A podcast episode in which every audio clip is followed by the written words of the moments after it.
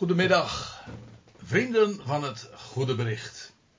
Het is vandaag vrijdag, Goede Vrijdag, of zal ik het in termen van de Hebreeuwse kalender eens zeggen: het is vandaag 16 Nisan, de tweede dag van het feest van de on ongezuurde. De tweede de dag van het feest van Pesach, dat dit jaar allemaal heel anders verloopt dan andere jaren. Eigenlijk een heel uniek gebeuren vanwege de globale coronacrisis die ook in Israël heel sterk uh, speelt. Zodat de Joden inderdaad ook verplicht zijn op een heel andere wijze vorm te geven aan het feest dat zij gewoon zijn te doen. Ik zei al, het is nu Goede Vrijdag. En waar ik vanmiddag, want ik neem dit aan het einde van de middag op. Waar ik eh, graag de aandacht voor wil vragen is wat er ooit plaatsvond. Inderdaad, op de, of in de middag, aan het einde van de middag, tegen de avond, dat Jezus eh, was eh, gekruisigd, eh, gestorven en vervolgens dat hij begraven werd. Ik heb het als titel gegeven: Gelegd in een nieuw graf. En ik wil dat heel graag eens uh, op een rijtje zetten. Ik moet er nog eventjes misschien ter toelichting bij zeggen dat ik wat afwijk van het programma zoals dat uh, in aanvang allemaal was gepland met de Bijbelstudies die ik in Bodegraven en in Rotterdam en in Katwijk geef en de onderwerpen die ik daar bespreek. Uh, het loopt allemaal wat anders, maar ik uh, ben wel van plan, zoals, zoals ik dat tot dusver ook eigenlijk zonder, of zonder al te veel onderbreking ook heb gedaan, namelijk de, zowel de zondagen een studie te plaatsen, als ook door de weeks. En dat wil ik vooral ook minimaal zo blijven doen. Maar uh, in dit geval heb ik een, een onaangekondigde, min of meer ingelaste studie over het uh, verblijf van Jezus in het graf. En ik wil een aantal dingen daarover graag eens uh, op een rijtje zetten. Ik heb een twaalftal punten uh, geformuleerd, zodat we eens uh, daarin wat uh, kunnen bezien van wat er toen allemaal heeft plaatsgevonden. Op die ene bewuste dag. Laat ik eerst even wat vertellen over de, de datum, want dat is natuurlijk dan wel een beetje verwarrend. Het is vandaag op de Joodse kalender, op de Hebreeuwse kalender zo u wilt, 16 Nisan. Dat is inmiddels uh, twee dagen nadat de daadwerkelijke kruisiging heeft plaatsgevonden. En het is wat verwarrend in die zin, omdat uh, op de christelijke kalender het vandaag Goede Vrijdag is. En dat wordt dan geacht de dag te zijn waarop Jezus zou zijn gekruisigd. Maar ik moet u zeggen, dat heeft geen bijbelse papieren. A. De gedachte dat Jezus zou zijn gekruisigd op vrijdag klopt mijn zinziens niet. Misschien dat dat straks nog even aan de orde zal komen. En bovendien die hele christelijke kalender, die heel uh, bewust trouwens, want dat heeft hele vroege uh, wortels, dat wil zeggen in de kerkgeschiedenis. Dat is reeds in de eerste eeuwen is dat zo vastgelegd dat de, de, de paasdata van Goede Vrijdag, maar ook van Pasen, absoluut niet mocht samenvallen met het Joodse Pesach. Dat heeft feitelijk nog hele antisemitische wortels die daarin liggen besloten. Maar goed, eh, ik ga dus uit, niet van de christelijke kalender, die vergeten we gewoon weer even. Het is niet helemaal toevallig natuurlijk dat ik juist nu ook aandacht uh, geef op de, op de Goede Vrijdag, dat dat in de, onder christenen gewoon is aan de begrafenis van Jezus. Dat komt goed uit. Maar uh, feitelijk is het dus zo dat uh, de heer Jezus heeft een aantal dagen in het graf gelegen. Ook daar kom ik straks nog even op terug. Maar de kruisiging die vond plaats op 14 Nisan. Dat is een hele belangrijke, markante Bijbelse dag, datum ook, omdat dat namelijk de dag was van het Pascha. Dat was de dag dat het lam geslacht werd. En dat was uh, ooit uh, het begin feitelijk van de uittocht uit Egypte. Dus dat was al 1500 jaar voordat de Messias kwam, was die datum van Gods wegen al gefixeerd. Het lam moest geslacht worden, een lam dat, dat op de tiende van de Nisan, de tiende van die eerste maand, de tiende Aviv. Uh, de tiende Aviv betekent lente. Uh, in de lentemaand uh, werd er een lam in huis genomen, een mannelijk gaaf lam. En dan op de veertiende dag van die maand zou dat geslacht worden. En daar worden allerlei instructies over gegeven. Maar in ieder geval, dat alles heeft zijn vervulling gekregen op de 14e Nisan ooit aan het begin van onze jaartelling. Toen de Heer Jezus Christus als het grote lam van Pascha werd geslacht. Precies zoals was vermeld. Precies zoals was aangegeven, ook qua datum, maar ook de dingen die dan moesten gebeuren. En dan lezen we dat de Heer Jezus al in, op het zesde uur uh, werd. Nee, in, het, uh, in, het, uh, in de negen uur in de, in de ochtend, even onze tijdrekening dan aangehouden, werd gekruisigd. En dan staat er dat in het zesde uur werd het duister in heel het land. Er trad een verduistering op plaats. Hoe dan ook. Het werd donker, om welke reden dat doet nu even niet ter zake. En dan is het drie uur lang donker in het hele land.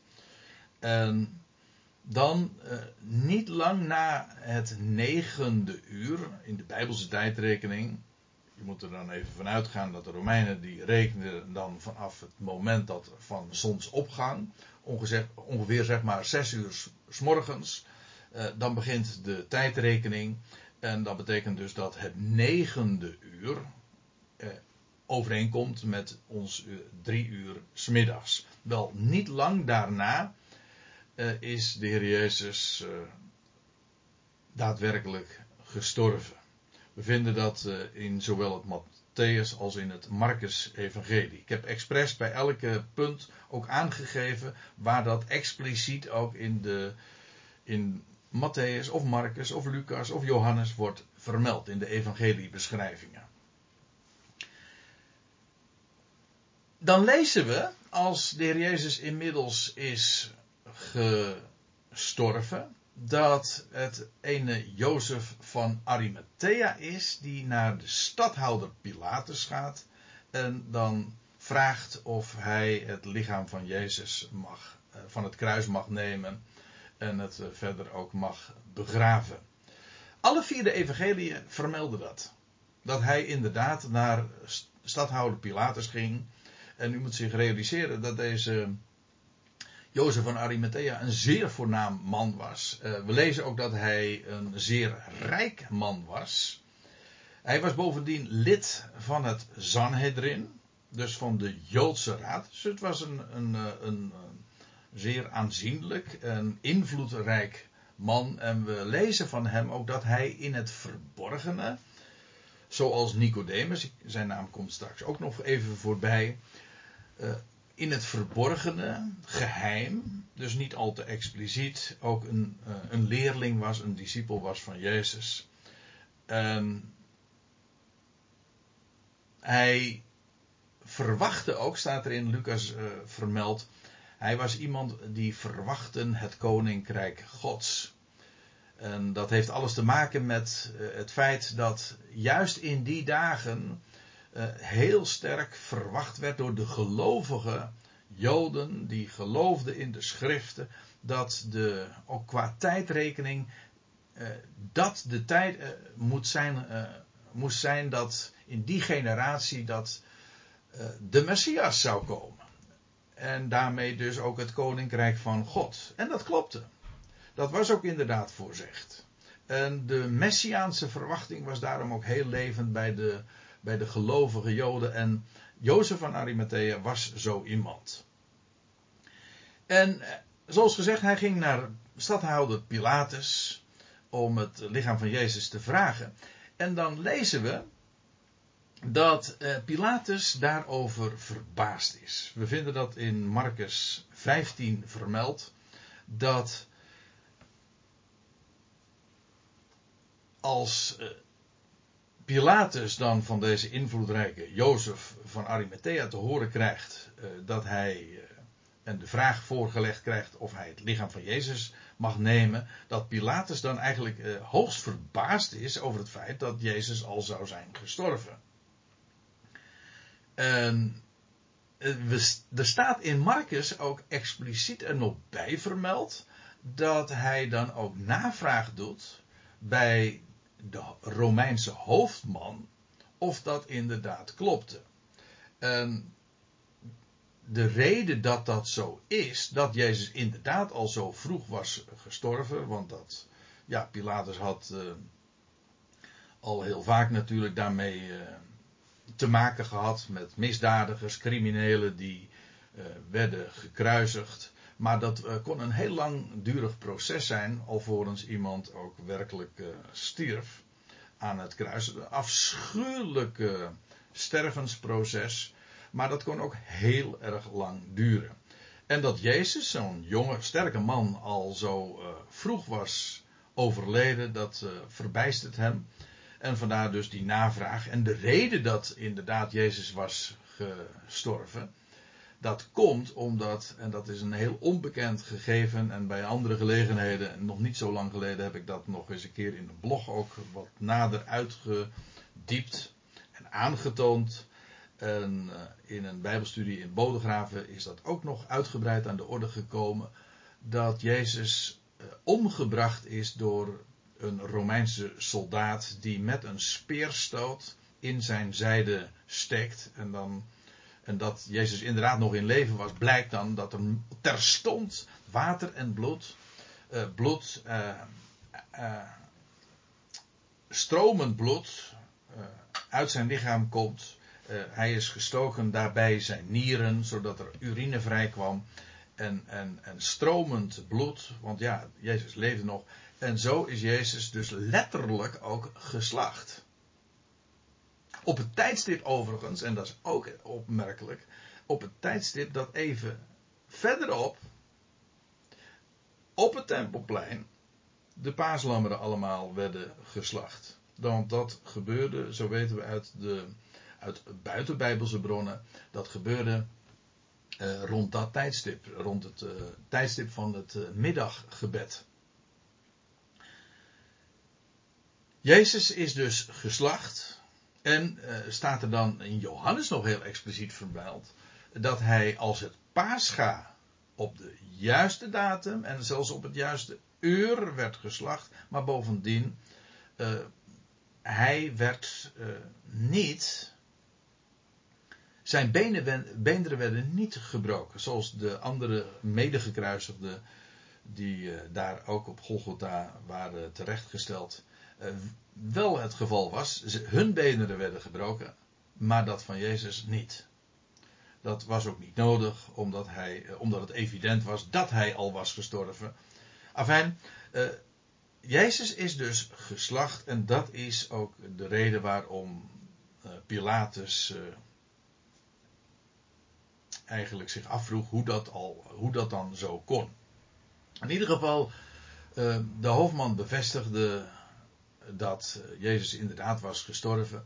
En staat er dan dat uh, Jozef uh, de, dus de toestemming krijgt om Jezus lichaam te nemen. Hij was niet de eerste de beste, dus hij kon en hij mocht dat doen. Dat we mogen aannemen dat daar nog enige tijd tussen heeft verlopen, want eerst stierf Jezus. Vervolgens komt Jozef van Arimathea bij Pilatus. Pilatus moet vervolgens bij de Romeinse hoofdman navraag gaan doen. En die krijgt dan vervolgens weer de, de boodschap door dat het inderdaad klopte. Dus daar is, uh, daar is weer tijd overheen gegaan. Dat kan niet anders. En dat terwijl er allemaal nogal haast bij was. Want ja, de, het tijdstip van, de, van het feest dat op het punt stond aan te breken, de 15e Nisan, dat was nabij. Dus het moest allemaal in, in, een, in, in een korte tijd gerealiseerd worden. Want ja, de, dat werd eh, zeer uh, sterk geëerbiedigd. Als de Sabbat aangebroken was, dan moest uh, al het werk gebeurd zijn. Zeker bij deze hele bijzondere Sabbat. Want dat was de 15e Nisan, dat, het begin van het feest. Dat was een speciale rustdag ook, waarbij generlei, zo staat dat dan uh, vermeld, generlei slaafse arbeid verricht mocht worden. En dan is het Nicodemus, die uh, zich uh, daar ook uh, bijvoegt. Want het is Jozef van Arimathea die het lichaam dan wegneemt. En we weten uit het Johannes-evangelie. Johannes is de enige die daarover spreekt. Dat ook Nicodemus daarbij komt. Die overigens ook al zo een prominent man was. Net als Jozef van Arimathea. Ook deel uitmaakte van het Sanhedrin. En de Heer Jezus noemt hem zelfs, die Nicodemus, die hadden beide al veel eerder een, een, ontmoeting in de nacht gehad, een bekende ontmoeting, en waarin hele bijzondere gesprekken ook hebben plaatsgevonden. Johannes 3 spreekt daarover. En de Heer Jezus noemt hem de leraar van Israël, dus dat was ook niet de eerste de beste. Een, een buitengewoon uh, in de schriften doorkneed man. En ook hij was uh, eigenlijk in het geheim, zo wordt dat in Johannes Evangelie ook vermeld, net als Jozef van Arimathea, in het geheim, want ja, zo'n publiek figuur kon dan uh, nooit zijn positie handhaven, zou hij openlijk inderdaad een aanhanger geweest zijn van Jezus van Nazareth. Dus uh, zo in die zin zaten Nicodemus en Jozef van Arimathea min of meer in hetzelfde uh schuitje. Hoe dan ook, Jozef van Arimathea die, die neemt het lichaam van, je, van het kruis af, van het hout af, de staander, van de paal. in ieder geval, dan is het Nicodemus die zich daarbij voegt. En die heeft inmiddels een, een mengsel geregeld uh, een mengsel staat er van mirre en aloe. En dat was uh, geen kinderachtige hoeveelheid, want er staat nou nog bij ongeveer 100 pond. Dat is, die maat wil zeggen dat dat ongeveer ruim 30 kilogram is geweest. specerijen, mirre, dat trouwens nog verwant is met Mara, en ook met Maria. En dat betekent bitter. En als we het hebben over het sterven van Jezus, over zijn slachting en over zijn begrafenis, dan is die associatie ook niet zo moeilijk. Het was ook trouwens uh, een van de attributen die uh, de, de magiërs uit het oosten hadden meegenomen. Mirre, goud en wierook. Uh, daar was ook nog aloe bij, een, een, een, dat mengsel dat Nicodemus dan vervolgens meeneemt. Dat was een, grote hoeveelheid. En dan staat er, en dat is punt 7, uh, dat Jezus vervolgens wordt gewikkeld in linnen winsels. En die winsels die zijn dan geprepareerd met de specerijen die Nicodemus had meegenomen. En dan staat er in Johannes Evangelie nog, nog bij dat dat was conform de Joodse gebruiken. Dus wat hier nu plaatsvond bij de begrafenis, dat het lichaam eerst gewikkeld werd en vervolgens ook dat daar specerijen bij werden gebruikt. Ja, dat was uh, zoals bij de Joden uh, te doen uh, gebruikelijk.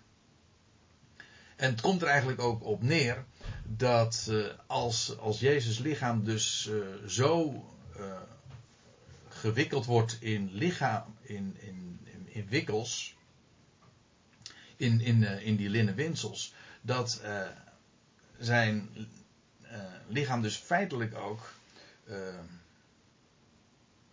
als, als een kokon wordt. Want ja, u kunt zich voorstellen dat als die linnen winsels die zo geprepareerd zijn, zwaar geprepareerd, zoals gezegd, ruim 30 kilogram, dat dat na verloop van tijd helemaal verstijft en dat dat met recht een soort van kokon wordt waarin het lijk uh, lag. Um, dat is een gegeven dat juist in het Johannesevangelie eh, later nog weer een rol speelt. Want op de dag van de opstanding, dan is het inderdaad. Dan zijn het Johannes en, en Petrus die dan in het graf gaan. En dan zien ze inderdaad eh, die winsels. En het, de hoofddoek apart liggen. En als Johannes daar dan in kijkt, dan, dan ziet hij dat het allemaal leeg is. En dan realiseert hij zich dat Jezus inderdaad moet zijn opgestaan. Wat zag hij namelijk? Een, een lege kokon.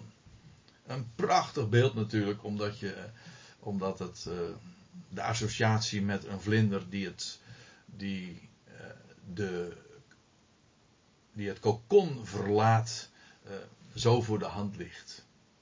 Rups die zich helemaal in, in een web van, van zich in een web wikkelt en dan vervolgens een in een kokon komt en dan vervolgens als een vlinder uh, als nieuw leven die kokon verlaat. Wel, dat is wat daar ook uh, in ligt besloten. Het feit dat Johannes juist ook wijst op dat zwaar geprepareerde lichaam, of die zwaar geprepareerde linnen winsels beter gezegd, dat heeft daar ook mee van doen, omdat het dat achtergrondsinformatie is voor wat er uh, drie dagen later zou gebeuren bij het graf. En een geschiedenis trouwens die ook alleen maar Johannes vermeldt, namelijk de ontmoeting of de, het, het bezoek van Petrus en Johannes, de schrijver dus, daar eh, bij het graf hebben gebracht. Als eerste trouwens.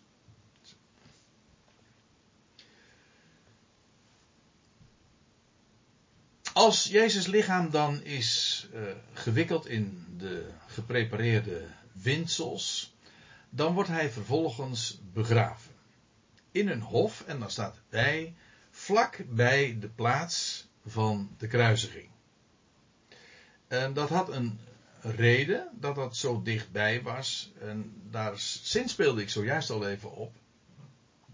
Het was namelijk de dag van de voorbereiding die aanbrak. En daarom kon en mocht uh, het graf niet al te ver verwijderd zijn van de kruising, want daar was domweg geen tijd meer voor. Jezus lichaam moest dus begraven worden, heel uh, dichtbij zodat het allemaal uh, nog voor de avond, voordat het daadwerkelijk avond was, allemaal rond zou zijn. Maar ik wil op een aantal dingen die dan genoemd worden in verband met dat graf, wil ik toch even speciale aandacht vragen. In de eerste plaats, het was een hof. Johannes is de enige die dat zo ook uh, vermeldt. Het was een hof dat is trouwens ook achtergrondinformatie voor wat er later, drie dagen later zou plaatsvinden. Als Maria van Magdalena, Maria Magdalena die als eerste een ontmoeting heeft met de tuinman. Tenminste, dat dacht ze. Overigens, ze, ze had nog gelijk ook feitelijk. Want die zij eh, aantrof, dat was ook de tuinman. Uh, maar dan uh, in de typologische zin van het woord. Het was de laatste Adam die uit het graf was verrezen. En hij is degene. Kijk, zoals Adam ooit de hof werd toevertrouwd. En die hof zou bouwen en bewaren. Wel, uh, we weten hoe het gegaan is met Adam. Hij werd de hof uitgestuurd. Omdat hij niet geschikt was. Maar nu de laatste Adam, hij is de ware tuinman en hij gaat de aarde inderdaad eh, tot een compleet paradijs maken. Dus wat de eerste Adam niet lukte en waarin hij faalde, daarin slaagt de laatste Adam en hij is inderdaad de tuinman en hij is in een hof begraven, in een tuin. En Johannes vermeldt er trouwens dan nog iets bij. Het was vlak bij de plaats van de kruisiging. Dat was dus vanwege het feit dat dat niet te ver verwijderd mocht zijn. Het was vanwege de dag van de voorbereiding die op het punt stond aan te breken. Ook Johannes is daarbij ook weer de enige die dat specifiek vermeldt. Maar eh, het werd trouwens eh, ook eh, op iets anders nog licht. Namelijk dat Jezus dus ook moet zijn begraven.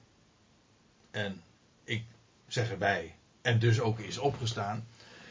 Op de plaats, ter plaatse waar hij was gekruisigd. En we weten van de kruisiging dat deze heeft plaatsgevonden.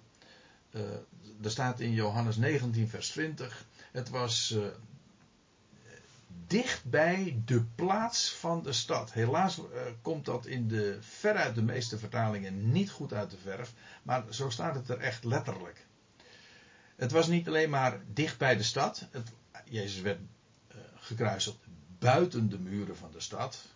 Dat is evident, dat lezen we ook op verschillende andere plaatsen. Maar het was ook dicht bij de plaats van de stad, waarbij je moet weten dat de plaats, Hamokum, Hamakom, uh, de aanduiding is voor uh, de tempel. Maar dat geeft ook uh, heel veel helderheid. Dat werpt licht op de locatie van de kruisiging, de begrafenis en de opstanding. Waarom? Wel, eh, pak een, een kaart van Jeruzalem. En dan zie je dat de, de plaats van de stad, de tempel, aan de oostkant lag. Tegen de Olijfberg. Dus de heer Jezus werd niet slechts nabij de stad gekruisigd en begraven. Maar hij werd uh, dichtbij de plaats van de stad, dichtbij de oostkant. En dat betekent dus dat als hij buiten de muren en vlak bij de tempel uh, was uh, gekruisigd en begraven, dan is dat dus geweest, dat kan niet anders, op de Olijfberg. Zodat alle heilsfeiten feitelijk allemaal zijn kruisiging, zijn begrafenis, zijn opstanding en ook zijn hemelvaart. En ik moet er nog aan toevoegen, straks als hij zal terugkeren vanuit de hemel, zal dat opnieuw zijn op de Olijfberg. Want hij voert een hemel op de Olijfberg, vanaf de Olijfberg, maar hij zal daar ook weer terugkeren en zijn voet zal staan op de Olijfberg die voor Jeruzalem ligt. Dus eh, die Olijfberg is een buitengewoon belangwekkende locatie. En uh, als we de schrift met schrift vergelijken, dan ontkom je mijn zinzins niet aan de conclusie dat die hof waar Jezus begraven is, inderdaad een hof is geweest op de Olijfberg. En daar zit trouwens nog iets uh, bijzonders in een, een, een geweldig typologisch gegeven. Want als hij nou werd begraven. En dus ook drie dagen later opstond. Op de plaats waar hij werd gekruisigd. Want zo formuleert Johannes het. Ter plaatse dan waar hij was gekruisigd was een graf. Wel nu. Dan betekent dat dat zijn opstanding plaatsvond vlakbij of ter plaatse van zijn kruisiging, van zijn sterven. Met andere woorden, daar waar hij de nederlagen leed, dat was tevens de plaats waar hij overwon. En daar, daar zijn heel wat uh, bijbelse noties die in diezelfde richting wijzen. Bijvoorbeeld een, een dier dat geslacht werd als offer. Dat werd geslacht. Dat is één ding. Maar die slachting was nog niet het offer. Als het vervolgens, nadat het geslacht was, op het altaar terecht kwam, verrees het, of rees het op, ging het in rook op, goden tot een liefelijke reuk vanaf het altaar. Maar eh, de slachting vond plaats vlak voor het altaar. Dus uh, een, het offer, dat is niet zoals heel dikwijls uh, volstrekt foutief wordt gedacht, namelijk dat het zou verwijzen naar Jezus sterven. Dat is niet zo. De slachting verwijst naar uiteraard het kruis, dat de Heer Jezus is geslacht en gestorven. Maar uh, zijn, uh, of het offer, dat is wat er plaatsvond na de slachting, toen hij verrees en toen hij opsteeg uit het graf. Dat is het echte offer. Dat is voor God ook een liefelijke reuk. Maar dat was vlak bij elkaar. Zoals de slachting plaatsvond bij, bij het altaar, waar het offer dan oprees, uh, dat, zo is de Heer Jezus ook begraven en opgestaan uh, ter plaatse van uh, zijn kruisiging. Dat is heel bijzonder. En ik kan trouwens nog een, een, een, een andere gedachte daarbij aan toevoegen, namelijk dat de Heer Jezus de vervulling is van wat ooit werd gezegd in de Hof van Ede. Namelijk dat tegen de slang, de oude slang, wordt gezegd dat, uh, dat is, het wordt genoemd de moederbelofte. En dan wordt er gezegd van uh, het, zaad van de vrouw en het zaad van de slang. En dan staat er, uh, het zal tegen het, of van de, het zaad van de vrouw, de na, nakomeling van de vrouw de ene, de beloofde, de uiteindelijke, die zou inderdaad in zijn versenen, in zijn hiel worden gestoken. Uh, gij zult het de versenen verbrijzelen, uh, maar dit zal u de kop vermorselen. Uh, met andere woorden, die nakomeling, het zaad van de vrouw zou worden, ge, zou worden als een slang zou worden, zou worden getroffen en, en in de hiel dodelijk. En tegelijkertijd zou dat de slang ook de kop vermorselen.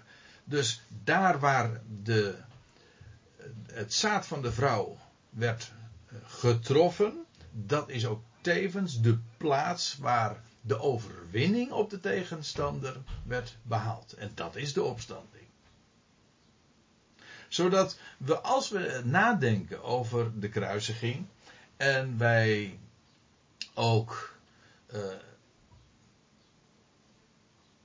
aandacht geven aan, aan, aan het graf, zoals dat in alle vier de evangelie wordt vermeld. Dat is heel bijzonder, omdat dat namelijk uh, niet alleen maar de afsluiting is van, de, van het hele verhaal van de, en de geschiedenis van het sterven. Het is ook de inleiding tot Jezus' opstanding.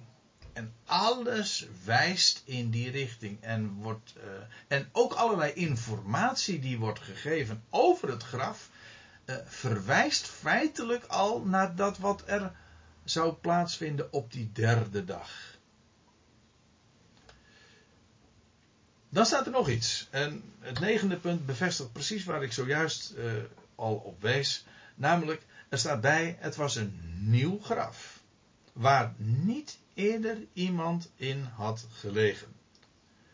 Behalve het Marcus-evangelie wordt dat in al de andere evangelieën zo ook vermeld. Het was een nieuw graf en er had nog niet eerder iemand in gelegen. En dit is nou ook weer zo'n typische hint in de richting van, de, van wat hier zou gaan plaatsvinden. Met andere woorden, uh, wat hier uh, in het graf gelegd werd, dat was een eersteling.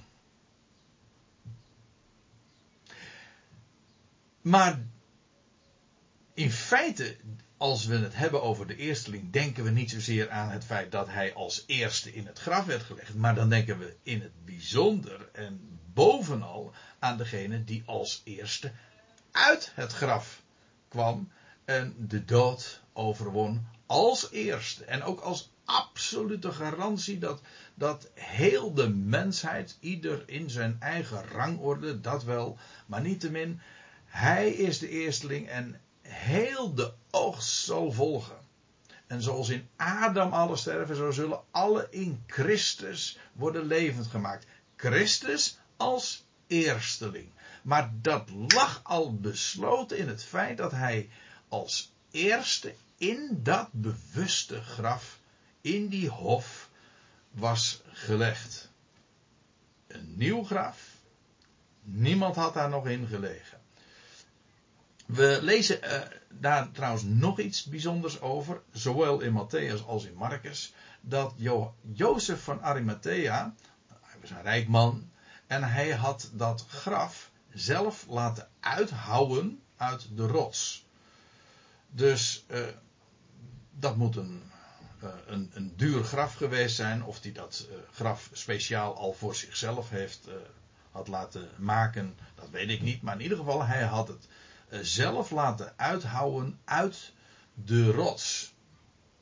En dat is trouwens ook weer een, eh, een, een, een, opmerkelijk gegeven. Dat de Heer Jezus in een graf gelegd wordt. Ja, maar dat was een, een, een gat. Uh, uitgehouwen uit. Of een uitgehouwen in de rots. Uh, denk daar ook eens over na. Dat de Heer Jezus gelegd werd in een rots. En waarom zeg ik dat? Wel, omdat dat namelijk ook weer licht werpt op wat er op die derde dag zou gebeuren. Namelijk dat toen hij opstond uit de dood, toen kwam er leven uit de rots.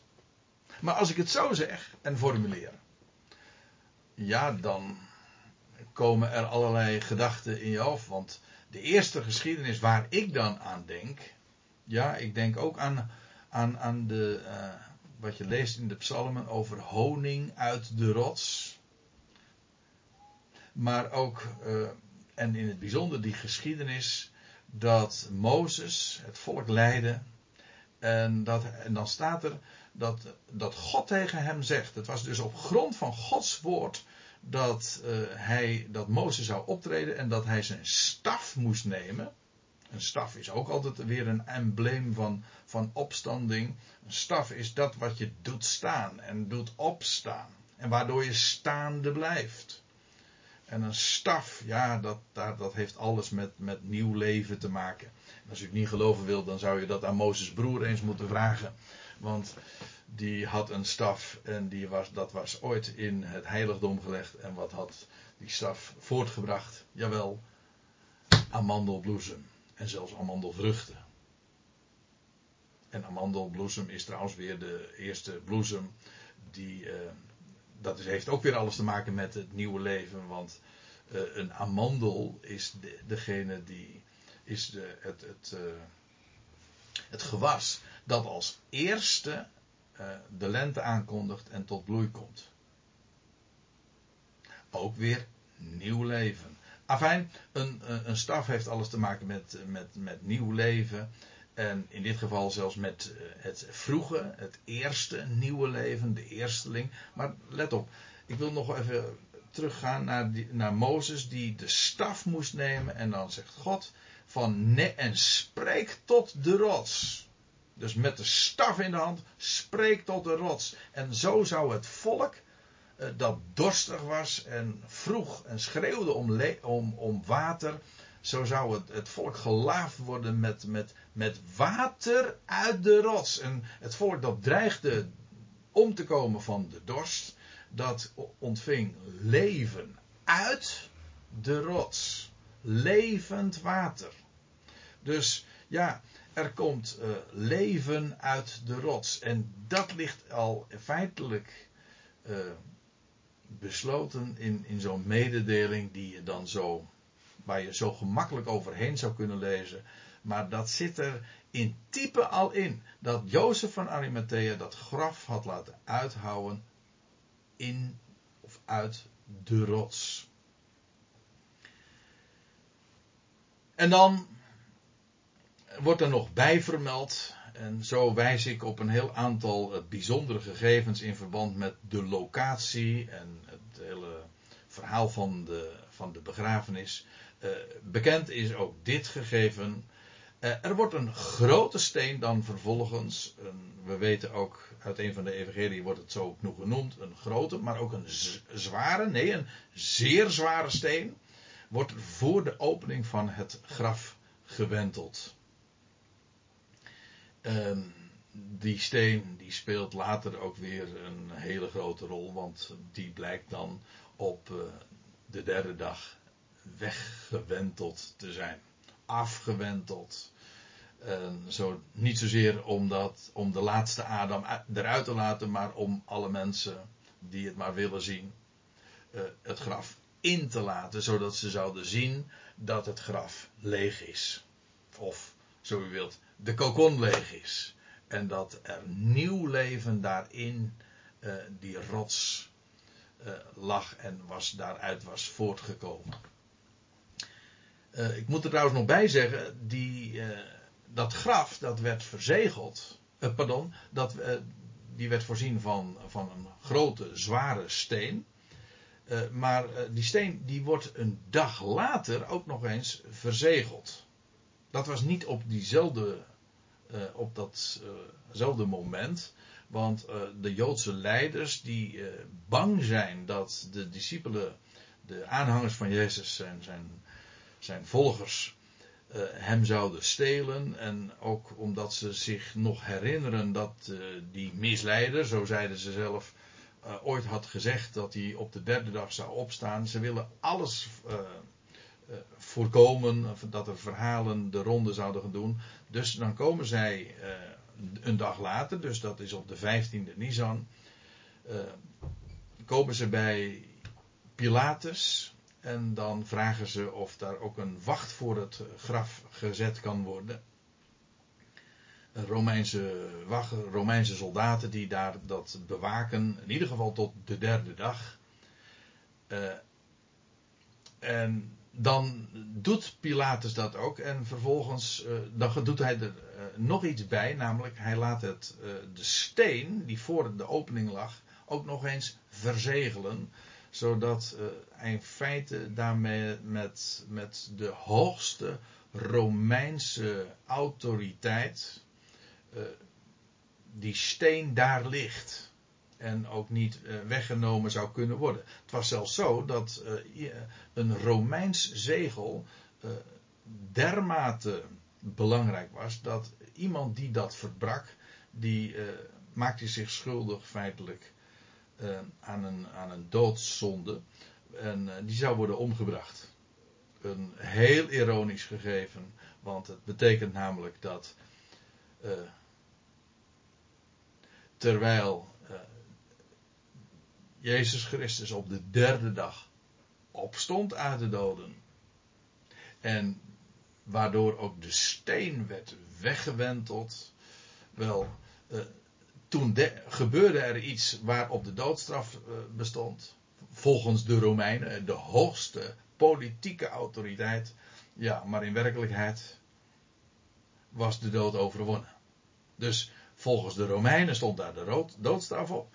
Maar in werkelijkheid, en daarom lezen we ook in de Colossensebrief dat Jezus Christus in zijn opstanding de, de machten eh, openlijk tentoongesteld heeft. Te kijk gezet heeft. Door de, doordat de, de verzegelde steen was weggerold. En zo, is, eh, zo zijn de, de machten en, en autoriteiten, de overheden en machten te kijk gezet. En uh, de dood was overwonnen. Maar in ieder geval, die, dat. Uh, die steen die werd dus een dag later verzegeld. En dat was op de 15e Nisan. Vervolgens heb je de 16e Nisan. Dat is dus feitelijk uh, de dag van vandaag op de Hebreeuwse kalender. De dag dat ik dit tenminste zo uitspreek. Uh, op de 16e Nisan was vervolgens een, een gewone sabbat, de wekelijkse sabbat. En daarna, na de wekelijkse sabbat, is de Heer Jezus verrezen uit het graf. na drie nachten. Het is dus niet zoals meestal, vrijwel altijd, eh, wordt uitgelegd. Daarom heet het ook Goede Vrijdag. Men, meestal gaat men er dus vanuit dat de Heer Jezus op vrijdag is gestorven. en twee nachten in het graf gelegen heeft, vrijdag op zaterdag en zaterdag op zondag. Maar in werkelijkheid zegt de schrift dat, uh, je leest dat in Matthäus 12, vers 40, dat de Heer Jezus drie nachten in het graf heeft gelegen. En niet op vrijdag is gestorven, maar op de donderdag. Afijn, dat is een onderwerp apart en ik, dat heeft nogal wat haken en ogen moet ik zeggen, om dat allemaal aan te tonen, want dat heeft ook met allerlei vertaaltechnische dingetjes te maken. Maar hoe dan ook, de Heer Jezus heeft drie, eh, is op de derde dag opgestaan en hij heeft drie nachten in het graf gelegen. En uh, gedurende twee sabbatten. Ja, de eerste sabbat was de jaarlijkse sabbat, de 15e Nisan. En vervolgens de gewone wekelijkse sabbat. Dus dat. neem me niet kwalijk. Uh, dat, in dat jaar vielen er dus feitelijk twee sabbatten achtereen. Ehm, zoals gezegd, over dat soort chronologische details is heel veel te melden. En er staan ook genoeg bijbelstudies op de website van goedbericht.nl hierover vermeld. Maar dat wil ik nu even allemaal laten voor wat het is.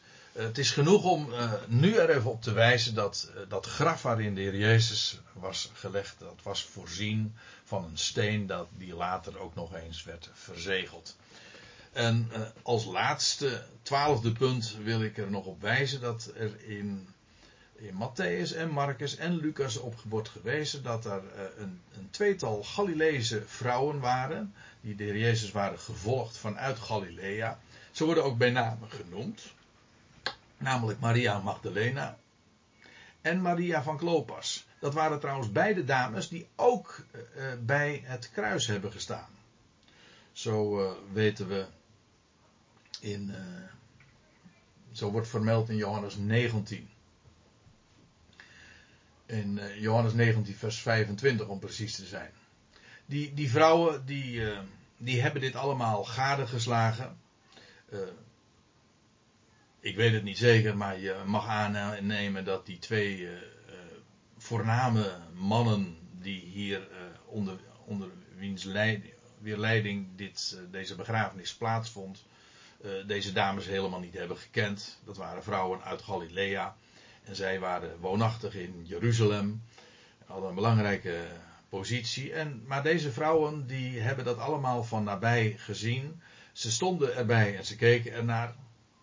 Nou, uh, eigenlijk uh, moet ik het anders zeggen. In Matthäus staat er zelfs bij. Uh, ze zaten.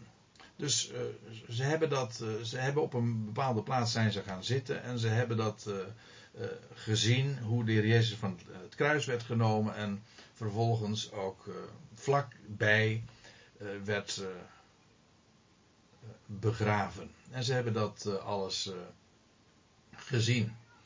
En dat wordt ook er nog bij vermeld in alle drie, of in Matthäus, Marcus en Lucas, de rol van deze dames, die hierin passief was natuurlijk, want ja, zij hebben alleen maar gekeken. Maar eh, het is toch van belang, want zij hebben dit uh, gezien. Want ze, zij moest, ze hebben gezien hoe hij begraven werd, waar hij begraven werd. En dat was van belang, omdat zij van plan waren nog meer specerijen te gaan bereiden. En dat zou, na de sabbatten zouden, zou dat, zouden ze inderdaad die, die specerijen kunnen gaan kopen. En ze hebben zij ook dat bereid. En ze zouden dan vervolgens na de sabbatten, zeg maar uh, zondagmorgen, uh, zouden ze dat bij het graf gaan brengen. En ze hebben daarbij zich niet gerealiseerd dat, dat het graf natuurlijk was voorzien van een, van een zware steen enzovoorts. Maar goed, het is allemaal anders gelopen. Maar ook dit is weer achtergrondinformatie die feitelijk nodig is om te weten en die van belang is in verband met wat er uh, op volgde. En uh, ik wil daar eigenlijk ook mee, mee afsluiten, want het is namelijk een hele belangrijke notie. Alles in verband met uh, de begrafenis van Jezus blijkt van betekenis te zijn. En ik zinspeelde er al eerder op. Maar ik wil het nog even benadrukken. Het heeft, het ontleent zijn betekenis aan dat wat er op de derde dag plaatsvond. Kijk, als wij over deze dingen nadenken, en trouwens dat geldt ook voor uh, Matthäus en Marcus en Lucas en Johannes die dit hebben opgetekend. Uh, zij hebben dit allemaal opgetekend vanuit de wetenschap, Jezus Christus is opgestaan. Uh, het is niet zo, wij leven nu niet naar Jezus opstanding toe. Wij zijn nu niet bedroefd omdat Jezus gestorven is en in een graf werd, is gelegd. Nee, wij denken aan iemand die dood geweest is. En zo denken wij terug aan zijn sterven, maar ook aan zijn begrafenis. Hij is, hij was dood. Echt dood. En twee, gedurende twee uh, dagen heeft hij in het graf gelegen en ten derde dagen is hij opgestaan. En drie nachten lang heeft hij daarin gelegen, in dat graf en hij was dood. Maar waarom is dat zo belangrijk? Wel omdat hij die dood geweest is, is opgewekt door zijn God en Vader uit de doden. En als eersteling. En alles wat daarover wordt beschreven, over dat graf, over die steen, over de rots, uh, over het feit dat het in een hof was over de locatie. Alles eh, heeft zijn betekenis daarin, juist ook met het oog op de derde dag. Dat is de grote climax en de hele beschrijving die daaraan vooraf gaat, werkt daar naartoe. En wat is geweldig om juist eh, rond deze tijd, het Joodse Pesach, het, uh, de, de christelijke Leidensdagen en de Goede Vrijdag, morgen Stille Zaterdag, zondag is het Pasen. Uh, persoonlijk uh, hecht ik daar aan dat laatste, aan die, aan die kalender uh, geen waarde. Maar het grote feit is altijd, hij is de opgestaan. Hij leeft en zo denken wij terug aan wat er geweest is. Maar zo denken we ook vervolgens vooruit en we weten, hij is de eersteling. Hij is in dat nieuwe graf als eerste gelegd. En hij is als eersteling uit het graf gekomen. En de grote overwinnaar. En de dood doet hij totaal teniet. Ik zeg totaal teniet. Vergis u niet. Jezus Christus eh, stierf niet eh, voor een, een, een, een beperkt aantal mensen of voor mensen die in hem geloven. Hij stierf voor de hele wereld en hij stond op als eersteling voor heel de mensheid, voor iedereen, ja wat zeg ik, voor heel de schepping. En ieder op zijn tijd zal in dat nieuwe leven delen. Ik bedoel, het is nu voorjaar. En, en dat nieuwe leven dat ontluikt, maar dat gaat ook in rangorde. Het ene soort uh, bloemen, maar dat geldt in de dierenwereld ook. Uh, deelt eerder in, in het nieuwe leven van de lente en van het voorjaar uh, dan andere soorten. Je hebt, je, de amandel, die als eerste eh, bloeit. Uh, hier in het westen hebben wij de tulp die eerst bloeit. En, en, en, en, en later zijn daar andere struiken en andere gewassen die ook uh, tot bloei komen. Alles op Gods tijd. En dat is het geweldige. Bij God gaat er nooit iets mis. Hij is de grote regisseur en hij is degene die het onder controle heeft. En de dood is overwonnen en de dood wordt uiteindelijk als laatste vijand volledig teniet gedaan. Zodat er dan geen dood meer is, maar enkel en alleen nog leven. Wat een hoop en wat een verwachting eh, mogen we hebben. En te midden van zoveel paniek en angst en slechte berichten die om ons heen gehoord worden en waardoor de wereld bevangen is, mogen wij dat goede bericht en dat bericht van overwinning en triomf laten klinken en daaruit leven. En zo ook de kracht daarvan ervaren. Wel, ik zou zeggen, lieve mensen, uh, dat is het beste wat we elkaar ook kunnen voorhouden en daaruit kunnen leven. En zo, in dat besef, wens ik u en jullie allemaal nog een hele goede dagen toe.